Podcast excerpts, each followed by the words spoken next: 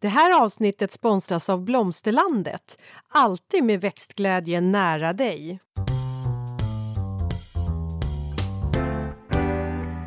Välkommen till Ulrika och Lindas trädgårdspodd. Och det är jag som är Linda Kylén, trädgårdsmästare. Och det är jag som är Ulrika Levin, trädgårdsdesigner. Och idag, fru Kylén mm. och kära lyssnare, så ska vi faktiskt prata om funkior och blad för prydnad. För bladverk i en trädgård och i en plantering har ju, kan ha olika karaktär, fylla olika funktioner. Men framförallt så är de väldigt viktiga. Mm. De är ju viktiga för att skapa en, eh, en stabil grund, kan man säga så, i sin rabatt? Ja, de påverkar. Det är verkligen inte bara eh, blommorna. För att vi pratar ju också om att bladverken har olika färger och former. En del sitter högt, en del sitter lågt, en del fyller ut medan andra är, är, i princip minimala. Eh, och som alltid så kommer vi ju nämna snygga kombos. Eh, men du Linda, mm. nu sitter vi här hos dig på Åsby. Det är faktiskt första gången vi spelar in här. Ja, det, det var så det. vackert när jag åkte hit. Men ehm, eh, soluppgången mm. fick jag se. Det är skönt med sol. Den oh. längtar man ju efter. Oh. Men vad har du gjort? Du, det är så roligt för jag har äntligen fått kommit igång med föreläsningar runt om i landet.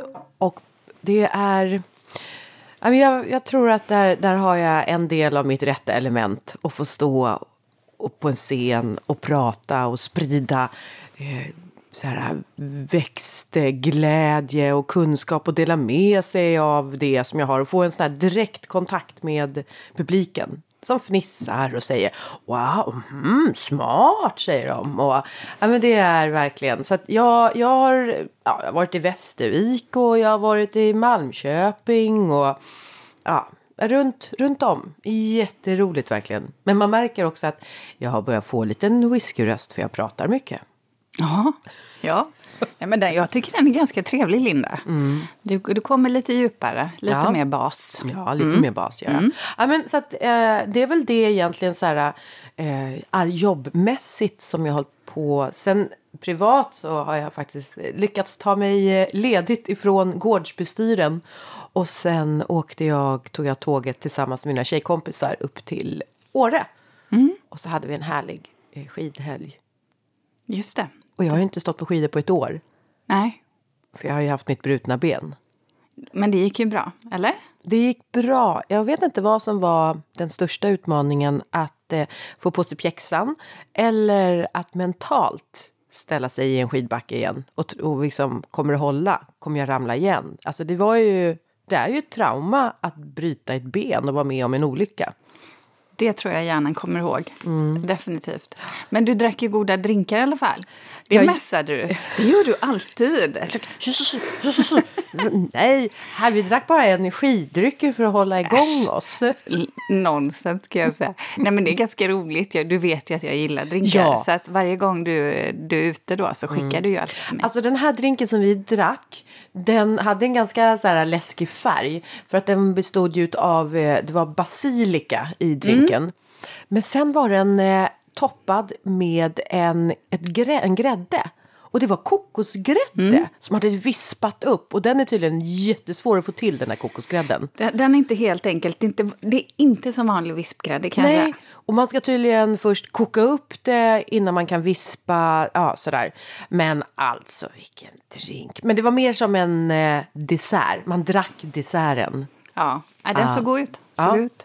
Men eh, eh, det, var, det var den dagen jag hade åkt skidor. Jag kände att jag, nu, nu, nu kan jag ge mig en, en god Slappna drink, lite. dessert. Ja. Uh.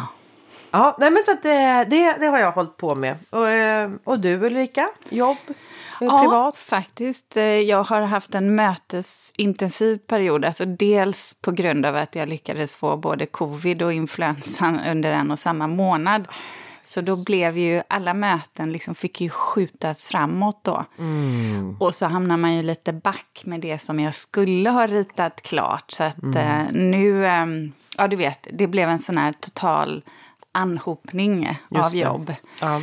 Eh, så, så nu har jag faktiskt framöver eh, lite lugnare ritveckor. Ja. Eh, för sen har jag varit och tittat på nya jobb Jaha. som då har trillat in och som eh, jag ska påbörja här framåt vårvintern då. Och ja men Vad spännande. roligt att, att det inte bara helt har stoppat upp. Jag tycker det är så mycket nu i alla branscher och ja, men som, Ja, som nej. inflation och så som har Nej gjort men det att rullar på. Och, Så att det, det är faktiskt roligt. När, Roliga jobb att Ja. göra. Och sen har jag ju... sen har jag faktiskt yogat, Linda. Ännu mer. Har du? Nu har jag testat både en sån här lite mer dynamisk yoga Ja. och sen så har jag testat den här stretchande yin-yang-yoga. Yin-yoga, det gjorde Ja. jag också uppe Ja, det var det i Åre. Ja, yin-yoga. Ja. Man håller i positioner, så här Ja. stretchpositioner Mm. i tre till fem minuter tror jag nästan. Grejen är ju bara det att eh, jag kan bara säga, jag har två ord. På den dynamiska så är det ju andnöd och smärta och på den här stretchande, det var bara ren smärta. Jag trodde ju du vet att jag skulle få problem med det här mentala, att jag inte kan hålla Ja, att jag inte kan hålla mm, fokus utan att tankarna skulle eh, börja vandra. Så det var inga problem, Linda, för jag hade så himla ont så det var det enda jag kunde Men, tänka på undrar- att andas men alltså, gjorde smärtan. du det här rätt Ulrika? För Absolut. instruktion, instruktörerna säger alltid så här, börjar du känna att det gör ont, backa och hitta en position där du kan vila i. Nej, det, det sa inte min instruktör. Hon menade på... Det är de där Stockholmsinstruktörerna, Vissa, de- vissa av de här känslorna, nu blir det lite jobbigt med en stund. Men på riktigt Linda. De är så stressade i Stockholm. Jag Ja. kom så långt ner, jag kom så djupt i de här övningarna. Och det känns ju något fantastiskt efteråt. Jag kan både ta djupare andetag, jag är helt så att säga avslappnad och avspänd i, i axlar och skuldror. Eh, så att det är ett fantastiskt komplement till mig som både springer och styrketränar faktiskt. Så att plågsamt Plågsamt, under tiden som det pågår. Ja. Jag har ju inte ont efteråt Nej. ska jag ju tillägga. Eh, men jädrar vilken effekt jag får. Jag tycker att man blir påmind om att man har en kropp. Att man har vissa delar på kroppen. Sådär. Jag kan ibland glömma bort eh, att jag har en rumpa. Typ så här, den ser man ju inte. Och, men då när man ligger sån här, då bara, aha, aj, det stramar här när jag stretchar. Och just det, och så ligger man i de här positionerna och då tänker jag liksom på de kroppsdelarna. Ja, ja, och rumpan är ju faktiskt den som många eh, av oss eh, tenderar att, att glömma bort och som är väldigt viktig. Eh, har man, och att man aktiverar de där stjärtmusklerna. Ja. Eh, de måste vara igång. Ja. Så det, det jobbar jag väldigt mycket med. Ja. För det stärker upp ryggen. Ja, precis. Det behöver vi som håller på med trädgård. Verkligen. Ja. Stärka upp. eh, ja. Ni får ursäkta, kära lyssnare. Jag har fortfarande kvar eh, en hel del rethosta och nu har jag pratat mycket, precis som du, Linda. Så att jag kommer nog harkla mig, svälja, dricka och hosta lite om vartannat. Jag ber om ursäkt redan från början här nu.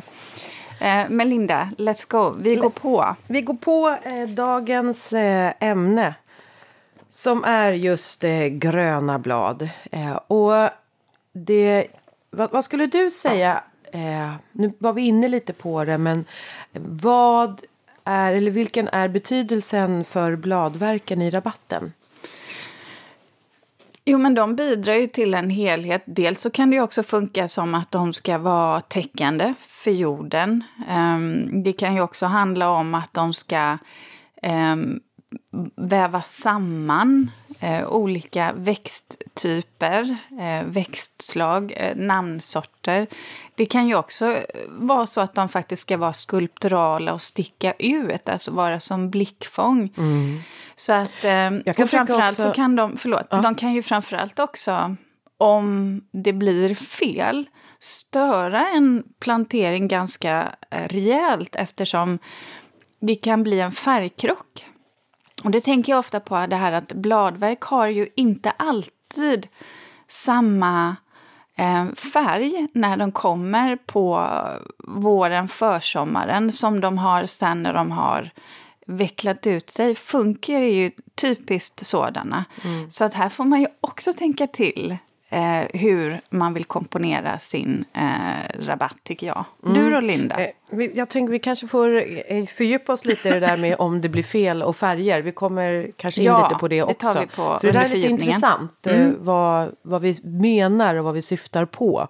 Lite så här konkret. Eh, när jag tänker också att eh, de här gröna växterna de blir som rabatternas eh, lite mera platta fondväggar. Där eh, andra blommande växter kan eh, hjälpa, alltså de får hjälp att lyftas fram. Eh, så att de framhävs och mm. syns. Mm. Och när de har en lugn grön bas. Sen tänker jag också på att ofta, det här är ju en klassiker, att man liksom man förälskar sig i blommorna och bara liksom studerar blommorna när man komponerar en rabatt med färger och former på dem. Och sen blir den gröna bladen blir liksom underordnat. Eh, jag kan ju tycka att mm, man kanske faktiskt ska börja med nästan att titta på bladen. Eller i alla fall lyfta dem samtidigt därför att någonstans är ju bladen det som är det hållbara i rabatten och det som Eh, finns kvar och under hela säsongen. Det är inte så föränderligt som just färgerna. Nej, och, och växter, alltså så här, när vi pratar perenner, har ju olika karaktärer.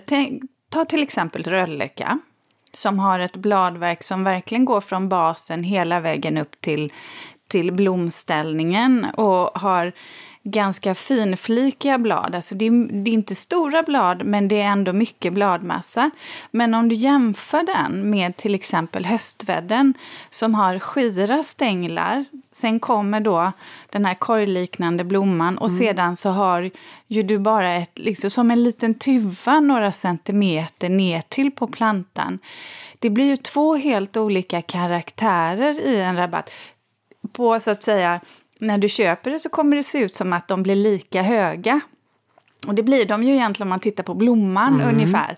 Men intrycket av de här två växterna kommer skiljas åt just på grund av hur deras bladverk ser ut. Mm.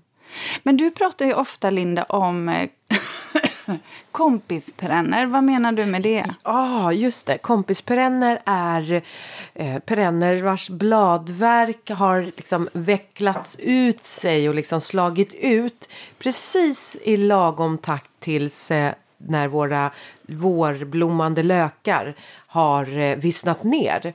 För de där blasten ska ju såklart eh, vara kvar så länge som möjligt i rabatten så att näringen som finns i bladen kan gå åter till löken. Men då ser det ju så trist ut när det är visset i en vårrabatt. Men då har vi kompisperennerna så vars blad då har vuxit upp. Och kompisperenner det kan ju vara ormbunkar, Eh, Funkan är vi inne på också, jättebra som kommer igång i tid också. Men just att man då samplanterar och tänker till på det där att okej, okay, för varje löksorter man planterar bör man också plantera in lite kompisperenner som tar ja. hand om böset. Och har man tidigblommande, har man tidigblommande lökar, vårlökar, då kan det vara bra att tänka på att man tar perenner som kommer lite tidigare också på säsongen så att man kanske inte väljer Rodgersia som kommer igång ganska sent. Eh, och, och, lite vice versa, så att man tänker på att eh, komponera det också då. Mm, eh, mm. men det, perenner och lökar är ju en strålande kombination, ja, tycker ja, jag. Ja, ja, ja, oh, ja det, de har en, jag tycker att de har en liten navelsträng kopplade till varandra. Mm. Men sen så tänker jag också på att bladverk är ju också viktigt som, eh, var du inne och sa det, som en liksom marktäckare sa du, men också som en utfyllnadsväxt mm. så att eh, vi kan göra som gröna pauser i rabatten. Eh, mm. Att man inte får så mycket intryck av färger och former utan har man en sån, har man mycket intryck i rabatten så kan det vara liksom fint att bara okej, okay, men nu tar vi en liten paus. Ja. Och, och, då pratar vi om att pausen behöver ju inte vara så här grön, grön, utan vi har ju så många vackra bladväxter eller perenner som har, går i gulgrönt, som går i grågrönt och brokbladigt. Det finns ju de som rött, alltså till och med nästan svart finns det också. Mm, så är det. Um, så att det tycker jag. Uh, men du, har du uh, så här, uh, någon procent del. Alltså, jag vet att många lyssnare, i, även jag, tycker om så här lite mera handfast så här. Så här ska man förhålla sig. Och då tänker jag att du Ulrika, du är ju ändå ganska, eh, ja men så här, eh, vad kallar man det för att du är, är du har ett sånt tänk? PT. Vad menar du? Ja, nej men alltså du är ju ändå, du beräknar ju, alltså du är ju mycket Ja. liksom beräkning, Ja, så här mycket. många perenner får du plats i den här Ja, rabatten, så här exakt. måtten och upp, upp, upp. Mått, Har du matte. även en beräkning på procentuellt hur stor del av rabatten bör ha också fina bladverk eller liksom bara bestå av bladverk? Det här är så himla lustigt för att när du säger det så så inser jag att det är precis det jag inte har. Aha, Nej, Nej. utan här går jag mer på känsla, säg inte känsla. känsla. Åh, den är jättesvår Som för är alla så oss. och- jättejobbig. Nej, men grejen är väl så här att jag tänker väl jag tänker väl mer på hur jag vill att planteringen ska upplevas. Alltså stil, jag går tillbaka ett steg till tror jag. Och sen så funderar jag på vad ska sticka ut? Ska, ska det vara så att vissa färgnyanser eller former ska lyfta varandra? Ska det vara en genomgående färgskala? Eh, och då någonstans så, alltså jag är ledsen, jag kan inte säga, jag skulle aldrig Linda kunna säga 30 procent, för det beror ju på vilken stil jag har i trädgården. Modern stil skulle jag kunna smacka på med bara två sorter till exempel. Ett gräs och en eh, frodig funkia i, med kanske två färger. Och så att för mig blir det väldigt, väldigt svårt. Utan här är, det, här är det känsla men också att jag snarare går tillbaka till ehm, det visuella. Kommer jag komma tillbaka till. Och då är det tränat ja, jag, jag kan inte låsa mig. Jag kan inte, vid det måttet kan jag absolut inte låsa mig, Linda. Nej, för annars så har vi ju haft så här lite procentuella mått, angivelser, till exempel när det gäller färger i en rabatt. eh, Ja, du att- har det. Ja, jag har du- det. det- Jo, men blanda inte in mig, jag tror att det är pedagogen i mig som vill ändå ge så här, för folk är så här, men jag kan inte föreställa mig, ja men okej, ta så här då. Eh, 60 procent av en färg, eh, om du ska komma ihåg det här själv, eh, 60, 30 procent, nej 40 procent av en annan och 10 procent av en tredje färg. Lite Tror, sådär. tror du man räknar så då? Eller blir man inte bara låst? Nej men man ser väl lite så här en överslagsräkning. Okej, jag ska ha lite mer än mer. lite mer än Hur hälften. blev det nu med? Ja, ja. Hur blev det nu med Hur procenten? blev det med procent? Då är det ju väldigt bra att man vet hur stor ytan är också. Ja, från då är det början. väldigt bra att man kan räkna procent också. Så, så det kan man ju mäta. Ja, nu tycker jag att vi flamsade bort min, min beräkning Nej, här. förlåt. Jag kan förstå. Alltså jag, kan, jag inser ju det här att jag jobbar ju med det här dagligen. Ja. Jag är bra på det, det vet jag. Så att jag och jag kan eh, mina växter. Ja. Så, så att jag, jag säger inte att man inte kan göra så. Jag Det- blir förlåst. Ja. Jag bara säger utifrån mitt synsätt så, så måste jag... Där sk- skiter jag i mått. Att det skiter du Men underbart! Hörde ni vad Ulrika sa? Hon skiter i mått. Ja. Du, hade vi varit så här, löpsedlar, då hade det stått Ulrika skiter i måtten. Och alla varit så här, nej, Ulrika, det har drabbat Ulrika, det har Kaos, hänt något med kaos. Ulrika. Ja, hon har blivit som Linda. Och Linda pratar om procenten. Ja, precis. Det är, alltid, det är väl bara alkohol som det är intressant, eller Ja, vadå? precis ja. Ja, eller noll alkohol. Eh, jag Nu har jag säga, en katt. Ja, exakt. Jag skulle säga, du sitter en katt på alla Jag, papper. jag ska bara, jag Det- ska bara rycka bort Ja, det är Frasse jag- som har gått och satt Han har också varit runt här och mjauat och han är, är jättetöntig för han kan knappt mjaua. Så om man har hört något konstigt ljud i bakgrunden så är det han som låter. Ja, ja, precis. Jag känner att jag sitter också Ja, det- och plockar bort katthår hela tiden Ja. från mina svarta Så byxor. här är det när man är hemma hos Linda. Väntar du, snart kommer en häst in här också. Nej, det hoppas jag inte. Då skulle jag bli jätteförvånad. Ja. faktiskt. Du vet du, jag har faktiskt ett eh, sånt där bladverksminne. Host, Vadå? host. Ja. Jo, jag har ett bladverksminne. Eh, För jag har... Ja, men, för mig är det så här, poletter trillar ner först när jag ser det visuellt. Jag kan liksom lyssna på och höra massa ord och beskrivelser. om hur man ska liksom jobba, ja, men så här, men få in kontraster med runda former möter eh, liksom, eh, lite mera Smala. Ja, smal, tack Ulrika.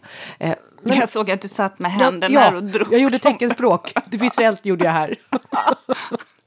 Eh, Nej men alltså då, jag försöker så här, mm, menas och menas. Men det är först när jag ser det på riktigt och ser liksom antingen en bild eller upplever det som poletterna verkligen trillar ner. Och det gjorde det. Det här var också på en sån här visningsträdgård i England på Chelsea Flower Show när jag var där. Det är många poletter som trillar ner när man åker på de där. Hörrni, kom igen och åk på såna här, eh, alltså och England det är ju bara man kan, vet du det? Att man kan åka sån här supernice, alltså kupé för två. Om man åker tåg. Ja! Såg så himla nice ut. Jag såg det på TikTok nämligen. Jaha. Jag har också sett något sånt där men det var, det var som, oj oj oj, den, den resebudgeten hade Har du inte jag. tänkt Orientexpressen där eller någonting Ja, sånt? men där sker det väl bara mord? Eh, I bokvärlden, ja. Inte något i IRL. Nej. Nej. Kom, eh, ja, Ja, förlåt. tack så mycket. Eh, jo, då, då var jag i alla fall där och eh, där så hade de gjort en rabatt som jag bara stannade upp till för jag tyckte att den var, den gav ett sånt lugn. Den gav också så ganska kraftfullt intryck eh, och lite så här självklarhet, tydlighet. Och den bestod av det var en rund rabatt och inramningen var hasselört. Och sen innanför hasselörten så hade man varvat Rodgersia med, jag tror typ hakonegräs säger vi.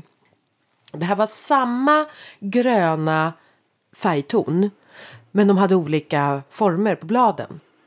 Och jag bara stod och tittade på den här rabatten och fick verkligen en sån här, det är så här det fungerar med bladverk. Att det går ju inte att ha samma typ av bladverk på alla växter för att då syns de ju inte att det är olika. Utan man måste verkligen tänka till och få in de där. Eh, och sen blev det en väldigt spännande rabatt utan att det var färger i den. Då fattade jag grejen med både prydnadsgräs men framförallt då bladverk. Eh, och jag har en bild på den här rabatten. Så den tänker jag att vi ska visa. Eh, Lägga ut på Instakontot helt ja, enkelt. exakt. Mm. Den, har Vad roligt att du säger det, för att jag var, jag var på en rådgivning här förra veckan i Uppsala, faktiskt hos en poddlyssnare. Jaha.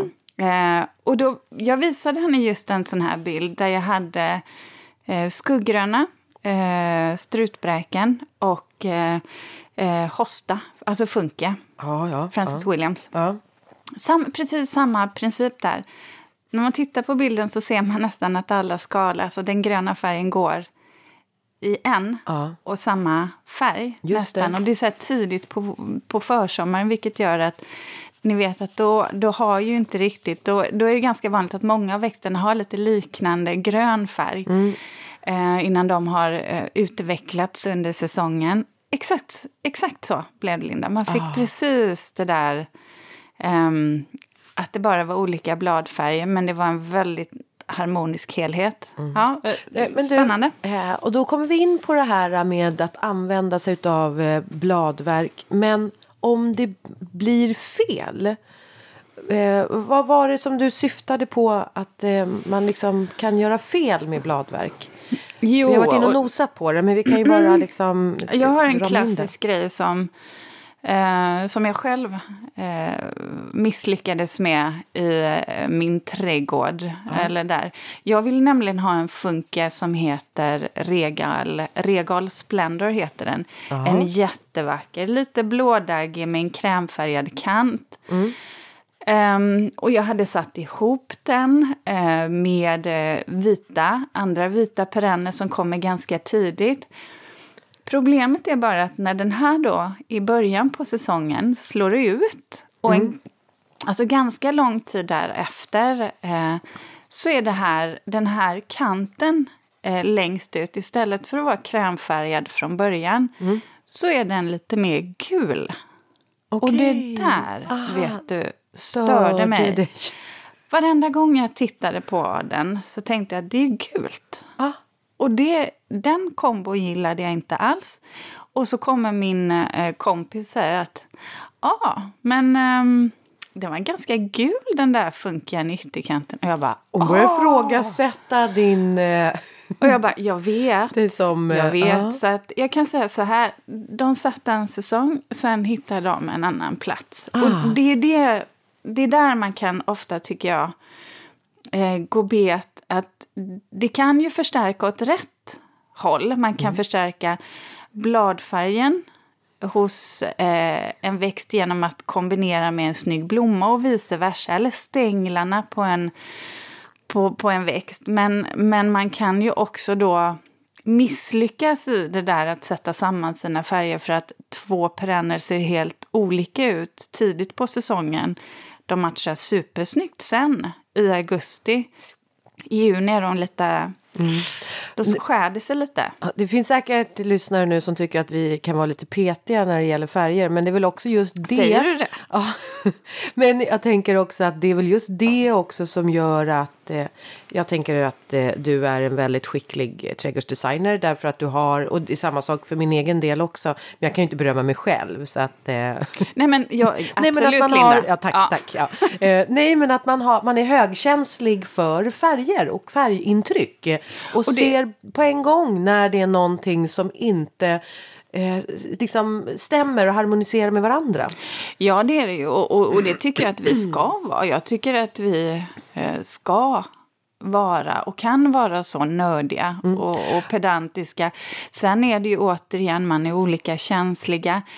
Jag får ju också anpassa mig. Återigen, jag måste ju också hela tiden lyssna på vad mina kunder är ute efter. Det är ju det som också jag tycker är den stora glädjen med mitt jobb. Att jag behöver ju aldrig låsa mig vid vad jag personligen tycker. Utan jag kan ju gå mot, du vet, planteringar som har jättemycket färg ibland. Eller något. Jag, jag får ju verkligen testa. Och, och det, det är ju väldigt alltså, härligt på det sättet. Men, men absolut, det handlar ju om att, att det ska vara en helhet, en harmoni. Ehm, Ja, någonstans är det väl det som vi, jag tror både du och jag jobbar efter, att det är det man vill uppnå. Sen, för det är någon, alltså jag, jag vet inte, men jag har en känsla av att det kanske är lättare att eh, liksom uppnå en disharmoni än en eh, harmoni. Därför att disharmoni kan det ju bli, heter det disharmoni? Eller oharmoniskt? Oharmoniskt. Kanske, ja. Nej men alltså jag kan tänka eh, att det är lättare att bara så här, genom att man inte tänker och funderar, man bara plockar ihop. Då är det klart att då blir det ju inte eh, Alltså det blir ju ogenomtänkt men där uppstår också kanske lite en rör, rörighet. Och vi försöker ju skapa alltså både rabatter eller inredningar som man kan vila i. Där man känner att ah, men nu kliver jag in och jag får vila. Sen kan man ju få ett uppdrag där man säger nej, nej, nej, jag vill få in, eh, jag vill få in energi och jag vill att det ska studsa. Och, ja, men där får man ju jobba då med det motsatta. Eh, kontrasterna. Och det, och det är ju ingen motsättning i sig egentligen. Nej, det, det är väl mera att jag har en förkärlek till det harmoniska, det lugna. För Jag tror att jag behöver det som en motbalans till, till hur jag lever livet. Eh, sen så tycker jag ju också när jag tittar ut i naturen så är det ju liksom naturligt harmoniskt. Det med färgsättningar och... Ja, det är för att det är så mycket grönt tänker jag. Men det beror ju också på vilken typ av landskap man är i. Eh, det, det är absolut det svenska, men sen har vi ju det karga. Alltså, och jag tänker på när man är i andra världsdelar. Så att ja, det kan ju vara både och. Men det kan ändå finnas en harmoni. Men jag eller tänker- skönhet i ja. det. Men jag tänker som du nu var inne på med de här bladkanterna. Att det kan ju också vara det som är nyckeln till en vacker eh, liksom, kombination. Genom att man ser de här subtila, eller att man upptäcker de här subtila färgerna. Som kan eh, lite gömma sig i eh, på skälkar eller eh, undersidan av blad till exempel kan det vara en helt annan, alltså en gråare ton till exempel än ovansidan. Eller texturen, en mattare eller eh, lenare. Exakt. Eh, så att det behöver ju inte bara vara färgerna men att Nej. man med hjälp utav, också hjälp utav textur på bladverk får också in en känsla av eh, ja, men en eh, kanske mjukhet eller en väldigt så här, glättighet om det är högblankt. Och det kan ju också vara jättesnyggt, eh, just det här när du har ett mörkgrönt, lite glansigt bladverk och ett silvergrått eller grått matt eh, bladverk. Eh, så att det där tycker jag också är jätteviktigt, just glansigheten eller mattheten på bladen. Och när du sa det här, jag har en kombo faktiskt. Ja, vi ska berätta lite om kombos. Eh, som är, det här är lite mer drag i, Linda. Mm, okej. Det här är färg. Ja, så Om- nu sätter vi ihop, alltså, ol, eh, alltså ger vi en kombination av olika bladverk. Ja, Mm. eh, som har blommor, men det är framförallt bladverken jag tänker på. För att då är det en alunrot som Mm. Ja. heter Forever Red. Och den är ganska, den är ganska rejält röd faktiskt. Alltså mer... Läppstiftsröd? Nej, men eh, inte riktigt ja, kanske. men- lite mer. Fast det- ja, precis, ändå lite mjukare. Men den är absolut inte purpurfärgad, utan den är röd. Då satte jag ihop den med Gilenia. Eh, Då får du beskriva Gilenia också. En eh, eh, skyr, ja, det är det. vävande, busklik perenn faktiskt med väldigt... eh, stjärn, vita stjärnlika blommor. det som är speciellt med den är ju att stänglarna är, drar åt det röda. Ja, nu Mm. kommer du till det subtila. Ja. Som kanske inte så många tänker på. Man ser det bara som en vitblommande eh, perenn som är lite Precis. busklik. Aha, så hittar Och du en sen- färg. Som sen- kopplar an till alunrotens Ja, blad. Ja. och sen så då så har jag tagit en um, geum, vad är det, trädgårdsnejlik... Ja, nejlikrot. nejlikrot, ja. Ja. Eh, Mai Tai där. Ja. Nejlikroten har ju gröna, lite rundade blad. Ja. Ehm, och den här blomman den går ju liksom i ja, men lite aprikost orange, men mitten på blomman, Oh, subtilt. rött. Rött! Rött. Så att det här blir mycket drag. Sen fram på höstkanten, sen så blommar ju eh, nejlikroten över. Eh, men då kommer ju eh, det vita gilanian, de skira vita. Och sen på hösten, då kommer det här bara, då kommer alunroten, Forever Red, eh, bli ännu mer intensivt röd samtidigt som gilanian då byter färg. Jättefint, alltså egentligen bara tre växter men som kommer förstärka varandra, Varandra, i ja. sammansättningen. Ja. Mm. Oj, jag ser det här framför mig. Ja, men jag gillar verkligen också, det här var väldigt tydliga exempel på att hitta färger i växter som man inte trodde riktigt fanns där. Men om man stannar upp och tittar nära och hittar det subtila i dem. Du, eh, jag har också en, eh, en kombination. Jag har ju redan sagt en kombination och det var ju Rodgers, Rodgersian, hakonegräs och hasselört. Mm. Men eh, om jag ska ge en som går mer åt det gråbladiga hållet så har jag eh, eh, då har jag funka. Har du någon riktigt gråbladig funka-sort? Linda, visst är vi stolta över att ha en sponsor till dagens avsnitt? Ja, och det är Blomsterlandet. En trädgårdsbutik nära dig med butiker över hela landet och en e-handel som är öppen dygnet runt. Välkommen! Åh, det finns ju så många. Vad Vill du ha en stor, stor eller liten? Eh, eller? lite, lite mellanstor tänkte jag. Kan man bara välja här? Mellanstor. Mm, jag tänker elegans, men den är ju lite större. Mm. Eh, Blue Mouse Ears, men den är ju lägre. Den är kanske 20-30. Den är ganska Ja, trevlig. men den kan nog fungera också. Ja. Ja. Hallucion. Ja, du är fantastisk vad du kan dina funkior. Ja, men alltså vilket namnsläkte. Det Ja, finns ja, ju det så... finns flera tusen sorter. Eh, Men okej, välj valfri gråbladig eh, mellanstor funkia. Tillsammans med eh, silverarv. Som är lite småbladig. Man kan även få in lammöron som har lite större ludna blad. Och sen en liten hög liten toppare med en liten högre ulleternell. Och, och, det här, och vi kommer ju komma in på funker, så vi, det här ska vi inte fördjupa oss i. Mm. Nej. Men då nämner jag bara så här att när man väljer funker så måste man ju tänka på återigen det här. De flesta... Ska vi komma in på funkar på en gång? Eller hade du fler Ehm, växtförslag kanske? Jag har fler växtförslag, Ja, ja. men jag säger bara det medan jag har det i huvudet. När man väljer funker så finns det ju de som klarar sol De flesta gillar ju halvskugga till skugga, så där behöver man tänka när man väljer kom, komponera precis som, som du gjorde där, Linda. För de förslagen som jag gav, det, är- det är mer skuggälskande eh, växter. Eh, För alla dina förslag var ju, trivs ju där det är lite mer sol.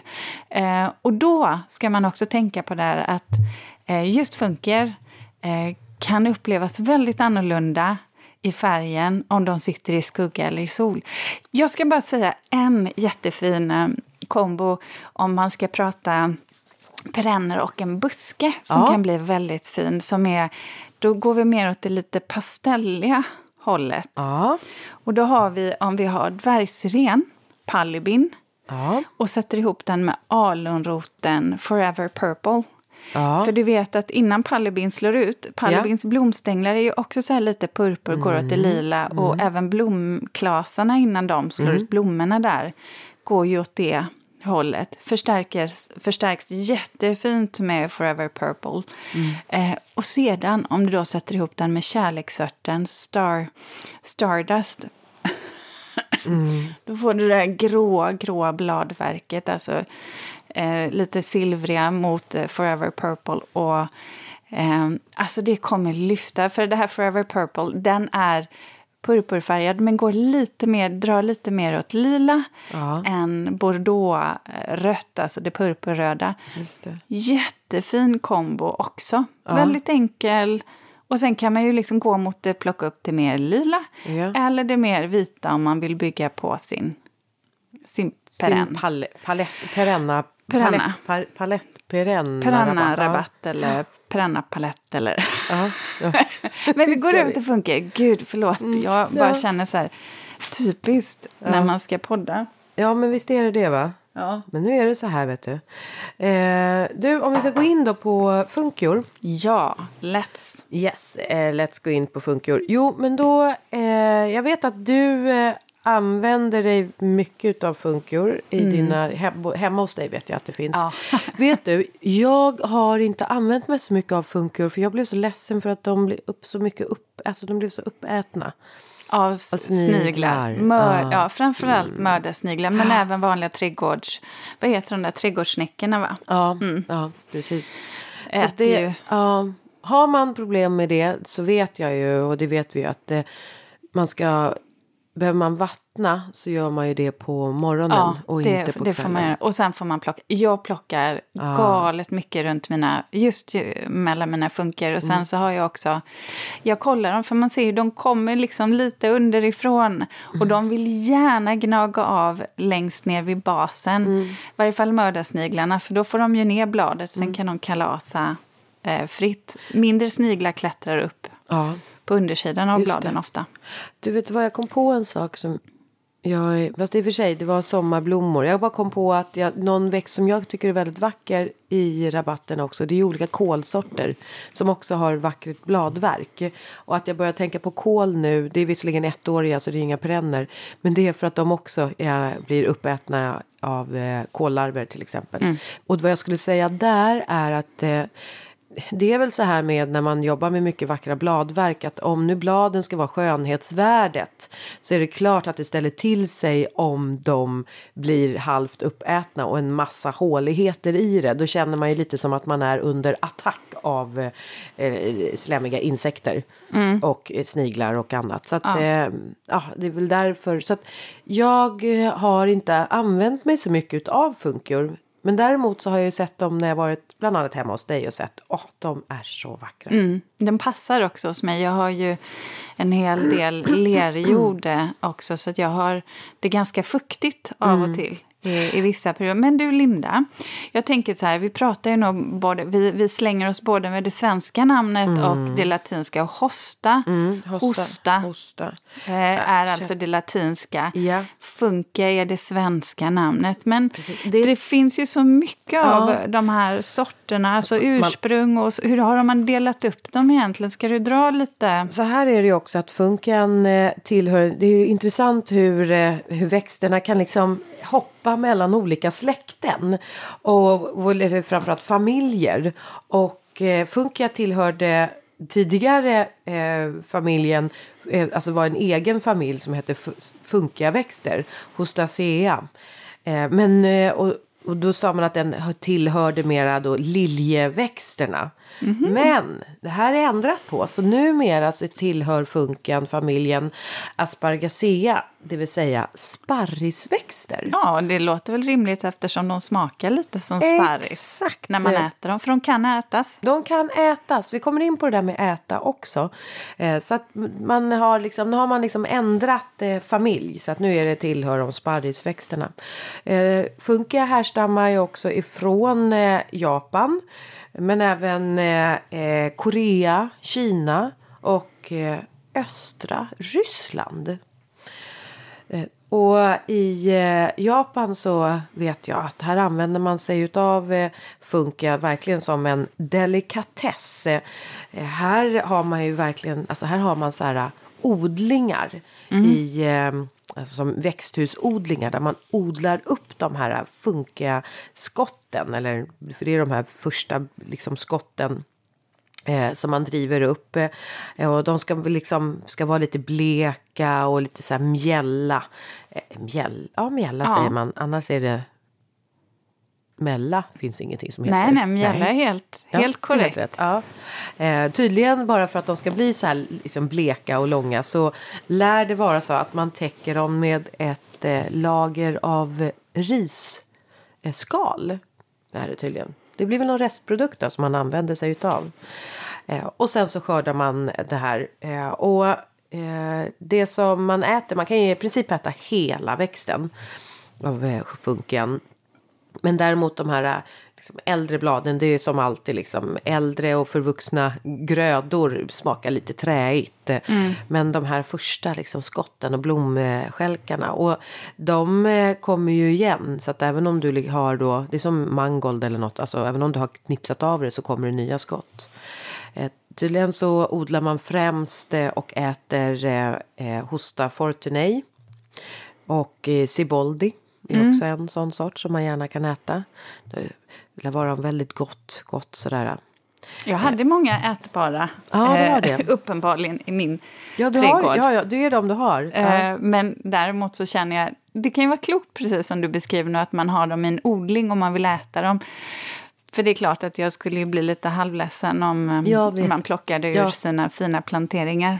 Ja, du har sagt det. Ja. Eh, nej, jag håller med. Men ja. Sen, ja, det har du sagt. Nej, men och sen så äh, även blommorna går ju att äta. Så att när de har äh, slagit ut så kan man använda blommorna till liksom, som i salladerna mm. såklart. Liksom, och det, eller bara dekorera maträtter och desserter med doftfunka. Lär smaka väldigt doft, gott. Mm. Mm. Vi var ju inne på det, eh, att Eh, de kan trivas i både eh, sol och skugga mm. beroende på sort. Ja, eh, och även bladfärg kan man ta reda på det ganska snabbt vart de trivs. Mm. Um, har du, kände du till det? Att man kan... Nej, men jag kan, det, det låter inte helt ologiskt egentligen. Eh, att de lite mer gula och, och ljusgröna skulle klara av lite mer sol medan de mörkare och mer blådaggiga faktiskt vill vara i skugga, skulle jag tippa ja, men Det stämmer på. Så, så rätt. Eh, gulbladiga, eh, lite brokbladiga, eh, soliga läge. Och sen så, precis som du sa, de här blågråa, daggiga, lite mera halvskugga till skugga. Och sen så såklart brokbladiga sorter eh, vill man kanske inte ha i solen, då syns de inte. Utan, och de lyser upp i skuggan. Ja, precis. Men sen är det ju så här, ska man nu plantera funkia i ett soligt läge så är det precis som, skulle jag säga, eh, både liksom rhododendron och hortensia, de fixar soligt läge. Men de behöver en väldigt fuktig jord. Ja.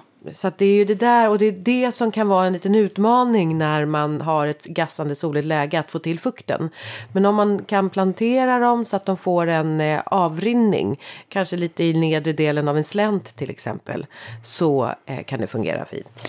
Ja, för grejen är att gör man, blir, står de för torrt så, så utvecklar de sig inte. De blir taniga mm. helt enkelt. De växer aldrig till så blir så här riktigt prunkande och fina som de ska vara. Så att, det får absolut inte vara för torrt. Och sen så kan jag också tycka att Egentligen, egentligen om man har väldigt mycket sol i kombination med torka och blå så skulle jag hoppa över funker. Då skulle jag välja gräs eller andra mm. perenner. Jag skulle inte gå mot det.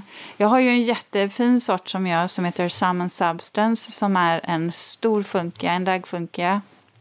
Men den, får den stå lite skuggor så får den en jättefin så här lite ljusgrön, nästan lite limegrön färg. Kommer den ut i solen så blir den snarare så här lite eh, brändare gul, djup, alltså en helt annan typ av färg. Mm. Ehm, just en sån där funkar som jag kan föredra. Den klarar sol, ja. men den har en helt annan upplevelse mm.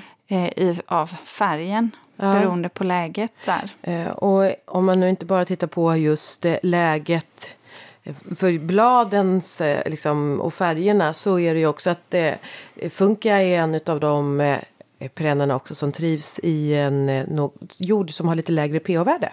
Lite surare jord.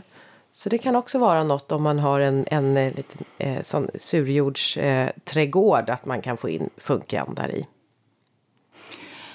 Sen är de ju också otroligt enkla att dela. De ja! tar lite tid mm. på sig att komma igång. Det ja. gör de. Alltså mm. innan, mm. Det kan ta nästan två år innan de har så att säga utvecklat sig till sin eh, fulla storlek. Så, så tids nog gör de det. Mm. Eh, men sen alltså att dela en funke och plötsligt få tre eller fyra nya planter går jättebra att mm. göra. Mm. Verkligen. Och sen på hösten när de har vissnat ner, alltså det här slemmet som blir kvar från bladen. Oh. Skjut bara in det i rabatten eller låt det ligga kvar. Alltså det, be, det behöver man inte hålla på och... Eh, ja, det, man behöver inte vara rädd för att ta bort det egentligen. Sen kan jag tycka att det kan finnas en poäng att det får ligga kvar i ja. rabatten och täcka jorden ändå. Ja. Mm, men det är inte så där som gräs som man absolut inte får klippa ner. Nej. Utan det blir bara en sörja ja. av dem. Mm. Ja, det, det, det, jag tycker att det kan se ganska roligt ut på, eh, på hösten när man tittar in i de rabatterna. För de är liksom helt bara, de har liksom bara vissnat ner som att eh, eh, de, har liksom inte, de har inte släppt sina blad ifrån Eh, roten när de kommer uppifrån utan de ligger helt utfläkta, helt platta på sin plats. Ja. Men du eh, Linda, jag tänkte så här att ska vi, ska vi gå vidare och prata lite om jag har några fina kombinationer och några fina funkior. Jag, mm. har, jag har nämligen... Ja, det här är ju verkligen din... Eh, jag har. Ja. Du, hör, jag ställde en fråga ja. och sen ja. så tänkte jag svara på den direkt själv. Så här. Jag har nämligen en fin kombo. Sen kan vi gå in på specifika sorter som, mm. är, är, jätte, eh, som är väldigt fina också. Som kanske är lite mer... Eh, jag vet inte om man ska... Jo, men kanske lite mer ovanliga, tänker jag. Eh, en kombo som är jättefin, det är Funkia Patriot Ja. Tillsammans med White Bikini. Man kan också bikini. gå mot Fire and Ice om ni inte hittar White Bikini. Uh -huh, uh. Um, Patriot har ju så att säga en vit bladkant Det måste vara en av de vanligaste. Ja, ja, det är det definitivt. Ja. White Bikini har som ett vitt streck, lite bredare streck Vem i kom mitten. på det namnet? Ja, White bra bikini. fråga. Ja. Och sedan så tar man två lite mellanhöga, är det då. Sen tar du Empress Woo som är en mer blådaggig, riktigt högvuxen funka. Ja. Eh, och sen i framkant så kan du jobba med kaukasisk Fiat Miguel, ah. Jack Frost, ah. som har lite silvermarmorerat bladverk och ljusa blåa, blåa eh, och blåvioletta blommor. Och sedan så kan du ha trädgårds, eh, trädgårdsmarbollen, alabaster och vit skogsaster. Då får du lång blomning. De här bladverken kommer förstärka varandra. De kommer kännas lite blådaggiga, lite silvriga, alltså gröna, vita. Eh, trädgårdsmarbollen har ju ett jättevackert grönt, mörkgrönt bladverk som är så fint till de här blådaggiga funkarna. Just det. Ja. Superfin eh, oh. kombination för ett lite halvskuggigt läge. Du är ju en mästare på rabatter, det måste jag säga. Tack. Mm, är du. Du, eh, Ehm. har du några, hade du någon kombo eller har du några speciella sorter Jag, som du skulle jag är ju vilja väldigt lyfta? förtjust i... Eh, jag gillar ju så här sinnenas trädgård.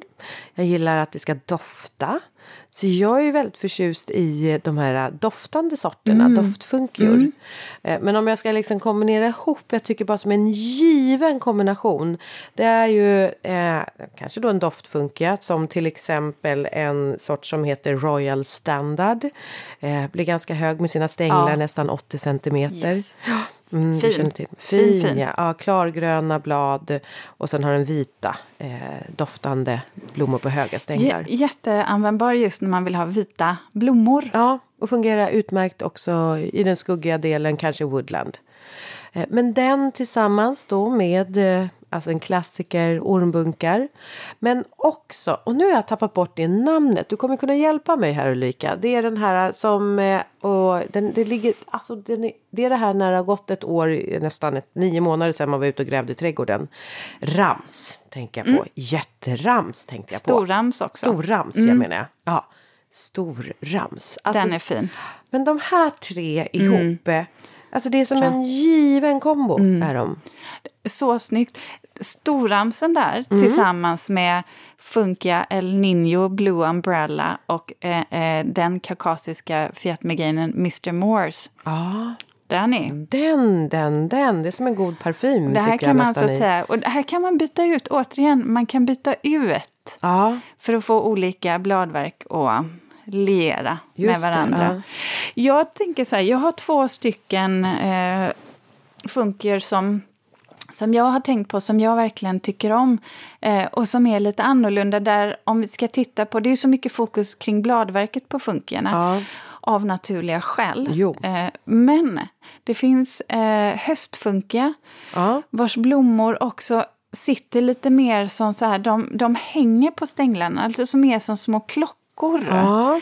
Och själva funken har ju så att säga lite mer tuvbildande. Så de har så här mellangröna, glansiga, smala, lite blanka, smala blad. Eh, och klockorna då kommer ju lite ovanför de här blommorna i en, en violett nyans, lite mörkare. De är jättefina. Jag brukar faktiskt ta in dem till snitt också. ja. Eh, När på hösten är de? Du säger så. De och kommer lite, höst? lite senare. Än, De blommar lite senare än de vanliga Ja. funkierna. Alltså bladverket kommer ju samtidigt. Det är att blomningen sker Ja. senare. Där augusti, september ibland. Eh, Jag tänker också på blomsterfunkia. eh, Som också är en... eh, Och, för jag har reflekterat över att de liknar ju också till viss del hyacinter. Och det finns en blomsterfunkia som heter Fortunei hyacintina. Heter den. Eh, och den, den är en... ehm, eh, som har just alltså lite så här hög, eh, lite högre, alla stänglarna eller blommorna sitter ju på lite högre stänglar. Den här går lite i purpur, eh, går den i. Eh, och den tycker jag är lite så här tuvbildande som också funkior är. Men den, den tycker jag om, eh, just också att den påminner om eh, hyacinterna. Tycker jag. Eh, det finns ju också Harry van Trier. Ja, Eh, som är, de har ju också så här, de har lite speciella blad. De är, så här, de är smala och lite, vad ska jag säga, nästan vågiga, nästan lite skruvade får man intrycket av att de är. Men de här har också samma sak med blommorna, de kommer högt upp ja. på stänglarna. Eh, de, den, det är faktiskt en ganska cool funkia som jag kan tycka ehm, ja, ja, men passar kanske lite mer också för sig själv eller med andra perenner än just funkia. Man behöver inte alltid komponera ihop dem. Nej. Och sen kan jag också tycka att um, spädfunken, Snowflake, som också har vita blommor, eh, som inte blir så hög, men som har en sån här mellangrön, lite så här Granny Smith-grön Ja, färg. Ja, just det. Jättesnygg Ja. eh, också. Och något som man ska tänka liksom lite extra sådär på också det är ju att eh, funkior pratar ju vi mycket om just för dess bladverk. Men att funkior eh, också är nyttiga växter för pollinatörer. Att de får eh, eh, med pollineringen. Eh, blommorna. Ja. Eh, Men om man ska säga en funka som jag kan tycka är väldigt dekorativ att ha i en eh, kruka. Så skulle det vara eh, en liten funka som heter Tott Tott. Känner du till den? Det är en liten så här, eh, lågväxande eh, sort som eh, lämpar sig just alltså, antingen i den lilla trädgården eller som sagt i eh, eh, kruka. Den blir inte särskilt hög. Nej. Och sen, jag måste bara säga, min favorit Ja. Som jag, och den fortsätter att vara det, det är ju hos, alltså Funkia, Francis Williams. Sätt den ihop med parasollblad och hasselört. Det har jag min egen trädgård, det kan vi lägga ut på Insta. Ah, ah. Linda. Ja. Så, så jätte, jätte, jättefin kombo. Men du Linda, och så hostar jag Ja, rakt in rakt i micken. Ja, ursäkta. aj, aj, aj. Det blir svårt att klippa bort den också. Men hörni, så här. Jag tänkte att vi skulle gå på reflektionen idag, Linda. Mm. Nu, för nu behöver vi runda av. Vill du börja eller ska jag börja? Eh, nej men du kan börja. Ja. Ja, jag ska plocka fram min reflektion. Ja, Ja. för jag tänkte jag ska nämligen prata om hur snygga människor och hur man kan reagera på dem. Jaha, vad Eh, intressant. Så, nej, men så här. Ja, okej. Jag pratade med min kompis för några dagar sedan och då berättade hon att eh, hon en dag på jobbet nu hade fått, en, fått besök av en så vansinnigt snygg eh, man, en tekniker som skulle komma eh, och hjälpa till med någonting på kontoret. Ooh. Och hon, hon blir lite så här, hon är väldigt social och, och um, ja, men ska ju visa honom vad han ska vara. Men hon känner att hon pratar, hon blir lite påverkad av hans skönhet så att hon pratar lite, lite så här, du vet, lite för mycket. Men ändå, hon visar honom dit han ska Men vara. Och Lite så- forcerande, för Ja, hon är lite lite ställd av hans... Eh, Precis. Ja. Kan inte riktigt bete sig. Eh, och så kommer hon in i fikarummet och så bara, du vet, slappna av. Och så sitter hennes kollegor och säger hon så här, alltså vet ni, du vet, jag har precis träffat den vackraste man jag någonsin sett, säger hon så här. Och det är ju bara, alltså, det är ju bara en subjektiv bedömning. Eh, och det var ingenting mer med det. Men var på hennes kollegor blir så här, ah, alltså, ha, du vet, drar åt det hållet som om att det låg något annat intresse i den här kommentaren. just det. Vilket gör att hon då känner sig lite dum helt plötsligt. Så att när han kommer då, den här tekniken kommer tillbaka och ska fråga henne om en annan sak, då, då blir hon i princip stum. Ja, för att hon har ju uttalat det här eh, och då har hon Exakt. liksom lite blottat sig. Inte mot honom, men hon har uttalat det och sagt det. Så Ja. att då är det klart att då blir hon lite så här, oj, jag har ju till och med uttalat det här. Precis, inför kollegor. Ja. Då blir det väldigt känsligt. Så det som händer är att det är mute-knapp på, på min kompis. Och hon i princip, istället för att ta med honom dit han ska, bara pekar. Ditåt ska du. Och känner sig som en total idiot. Så otrevlig dessutom. Och då kom jag på samma sak som att jag råkade ut för det här när jag var typ 24-25 år. Och det här när jag pratade med min äldsta dotter som precis eh, berättade att hon hade testat ett sån där, en sån här step-up-klass på, på gymmet då. Eh, och då blev jag så här obehagligt påmind av, eh, eller om min egen fadäs när jag gick på steppklass. För att jag kommer från jobbet, kommer sent. ehm, och vad händer då? Då är ju alla platser upptagna. Så då landar man ju alltid längst framme vid instruktören. Mycket riktigt, jag hör en röst. Det finns plats här hos mig.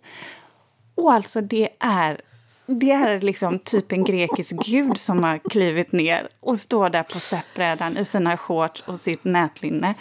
Och jag bara tänkte, äh, det här kommer ju... Bara där, Linda, känner jag så här att jag skulle ha vetat att det här är som upplagt för en katastrof. Men jag känner så här att okej, eh, jag tänker så här. Av alla andra 19 kvinnor i den här klassen, ingen kommer titta på mig. Så att blir det lite fel, det är ingen fara. Det, det, man kommer bara ha ögon på en Ögon sak. på, Ja. ja. Ingen fara. Men så känner jag så att det går ganska bra. Aha. Och det är, det är ovanligt för mig på den här typen av korego- Du koreograferade... fokuserar ju här nu och liksom levererar. Ja, så att jag tänker så här. Så att, ja, men du vet, jag, jag kör på. Jag kliver ner åt sidan från steppbrädan, tar ett så här litet danssteg och sedan roterar jag tillbaka och kliver upp på brädan. Och står liksom på kyssavstånd från instruktören. För att medan, medan jag då har gått åt andra hållet och inte ser, då kliver han upp på min bräda och står där när jag går upp. Och jag blir så chockad, Linda. För du vet, det, vi är så nära varandra så det är nästan hud mot hud. Och, och jag bara tar ett luftsteg och trillar av den där förbannade brädan. Han luftknockade dig där. Ja, nej, men du vet, jag blir så ställd. Jag blir helt chockad. Och det värsta är att jag, jag kan inte skratta åt det. Jag kom ju upp, jag var, jag var tillbaka så fort som möjligt och jag bara, rör mig inte, alltså, det är bra, liksom, bara kör på. Men jag går heller inte därifrån, utan jag och min idiot fortsätter ju att gå på, alltså fortsätter ju. Jag hade ju kunnat låtsas att jag hade vrickat foten eller var som helst. Men Och bara han var vrålsnygg. Alltså ja, alltså, okej, fruktansvärt jag snygg. Ja, ja. var han. För, för grejen är ju då att det värsta då som händer, det är ju inte bara den här förnedringen, för jag vill ju bara sjunka genom golvet. Det finns ingen heder kvar att rädda överhuvudtaget, Linda. Jag är totalt bortgjord. Grejen är ju bara det att, du vet, efteråt, jag bara flyr ut från den här klassen, för jag bara tänker så här, säger han någonting till mig så kommer jag inte kunna svara, jag dör.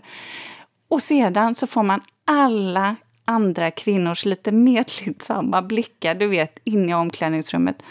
Hmm, tur att det inte var jag. jag kan säga så här, jag gick aldrig på en steppklass därefter. Jag gick aldrig tillbaka till det gymmet heller. That's it, liksom. Jag var totalt eh, eh, bortgjord. Så det blir det. mycket som låg i dig där. Va? Ja, det, låg, det låg nog mycket i dig. Absolut, det gjorde det verkligen. Men det där med, med snygga människor kan eh, eh, Jag förstår. kollra bort en lite. Ja, det, faktiskt. Du Ja. vet vad, jag har, jag har en reflektion som också hänger ihop med att, så här, att man blir lite förvirrad. Eh, nämligen förväxlingar. Mm-hmm. Eh, och också hur, eh, hur väldigt roligt det kan bli när det sker förväxlingar. För jag var med om det här eh, i veckan. För vi hade eh, Nyhetsmorgon var hos mig och filmade eh, i växthuset på Överjärva. Och, ehm, eh, och det går ju bra. Samtidigt där på den här, det var på en onsdag, så har vi fotografering av vårt hus uppe i Vemdalen. För vi ska nu sälja vårt hus i Vemdalen. Vi har inte varit där på ett år så att vi inser att vi kan inte ha det där huset, det går inte. Eh, och jag har ju brutit ben, nu åker jag skidor igen men ändå. Ja. Så samtidigt samma onsdag då har vi en fotograf som fotar huset uppe i Vemdalen. Som då går via mäklaren. Och sen så är det fredag och då får jag ett telefonsamtal. Okänt nummer sådär, jag känner inte igen det så jag, jag, jag svarar, ja det är Linda. Ja hej, säger man, en man i andra änden. Du jag var ju hos er, det är fotografen, jag var ju hos dig i onsdags. Och jag kopplar på en gång att det här är fotografen som har varit uppe i Vemdalen i huset. Ja, sa jag. Du vet vad, jag tror jag glömde min mössa hos dig. Och jag tror att det var därför jag tror det var Vemdalen, för jag tänkte vinter, mössa på. Så jag, Jaha, sa jag. Ja, sa jag, "Ja, alltså jag är ju inte där. Eh, jag har ju inte varit där på ett år. Och han blev alldeles så här ställd, hör jag. Lite så här... Jaha, jaha. Ja, Men vem för- träffar jag då? Ja, han bara, men det var ju någon inne på toaletten. Jag bara, ja, men det måste nog ha varit mäklaren.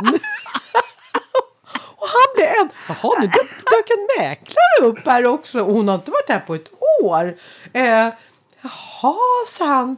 Ja, det var, men vad, ja, för du har inte sett någon mössa? Nej, sa jag. Alltså, som sagt, vi har ju inte varit där på ett år, men, så att du får nog ta Är det du där. Inte med, trög? Ja, precis. Jag bara, du får ta det där med, ja men det är väl mäklaren och så sa jag liksom mäklarbyrån, jag tror väl att det är.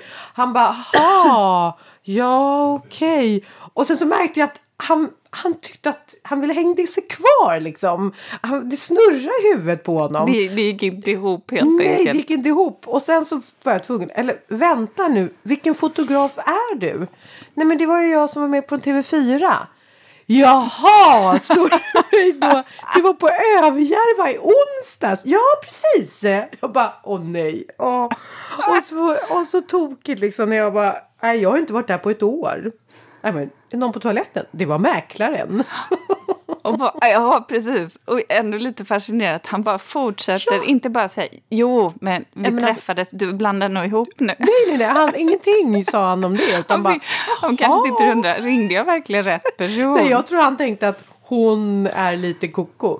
Eh, sådär Ah. att hon är, ja jag vet inte. Men det blev väldigt roligt. Alltså vi skrattade så mycket sen när Ja, vi kom på. jag. Ja, Det förstår lite jag. förlösande Ja, så. Ja.